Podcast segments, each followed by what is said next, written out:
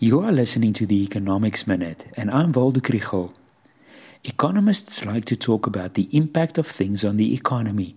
For example, what are the consequences of the war in Ukraine or the lockdowns in China for economic growth? But one has to keep in mind that the official data on this is only available much later.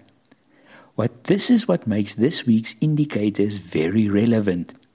The key data release is gross domestic production in the first quarter of the year. This will tell us how the economy grew until the end of March.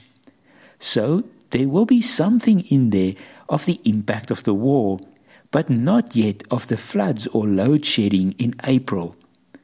GDP growth is expected to show that the economy has maintained the momentum of last year, growing by 1.2% quarter on quarter.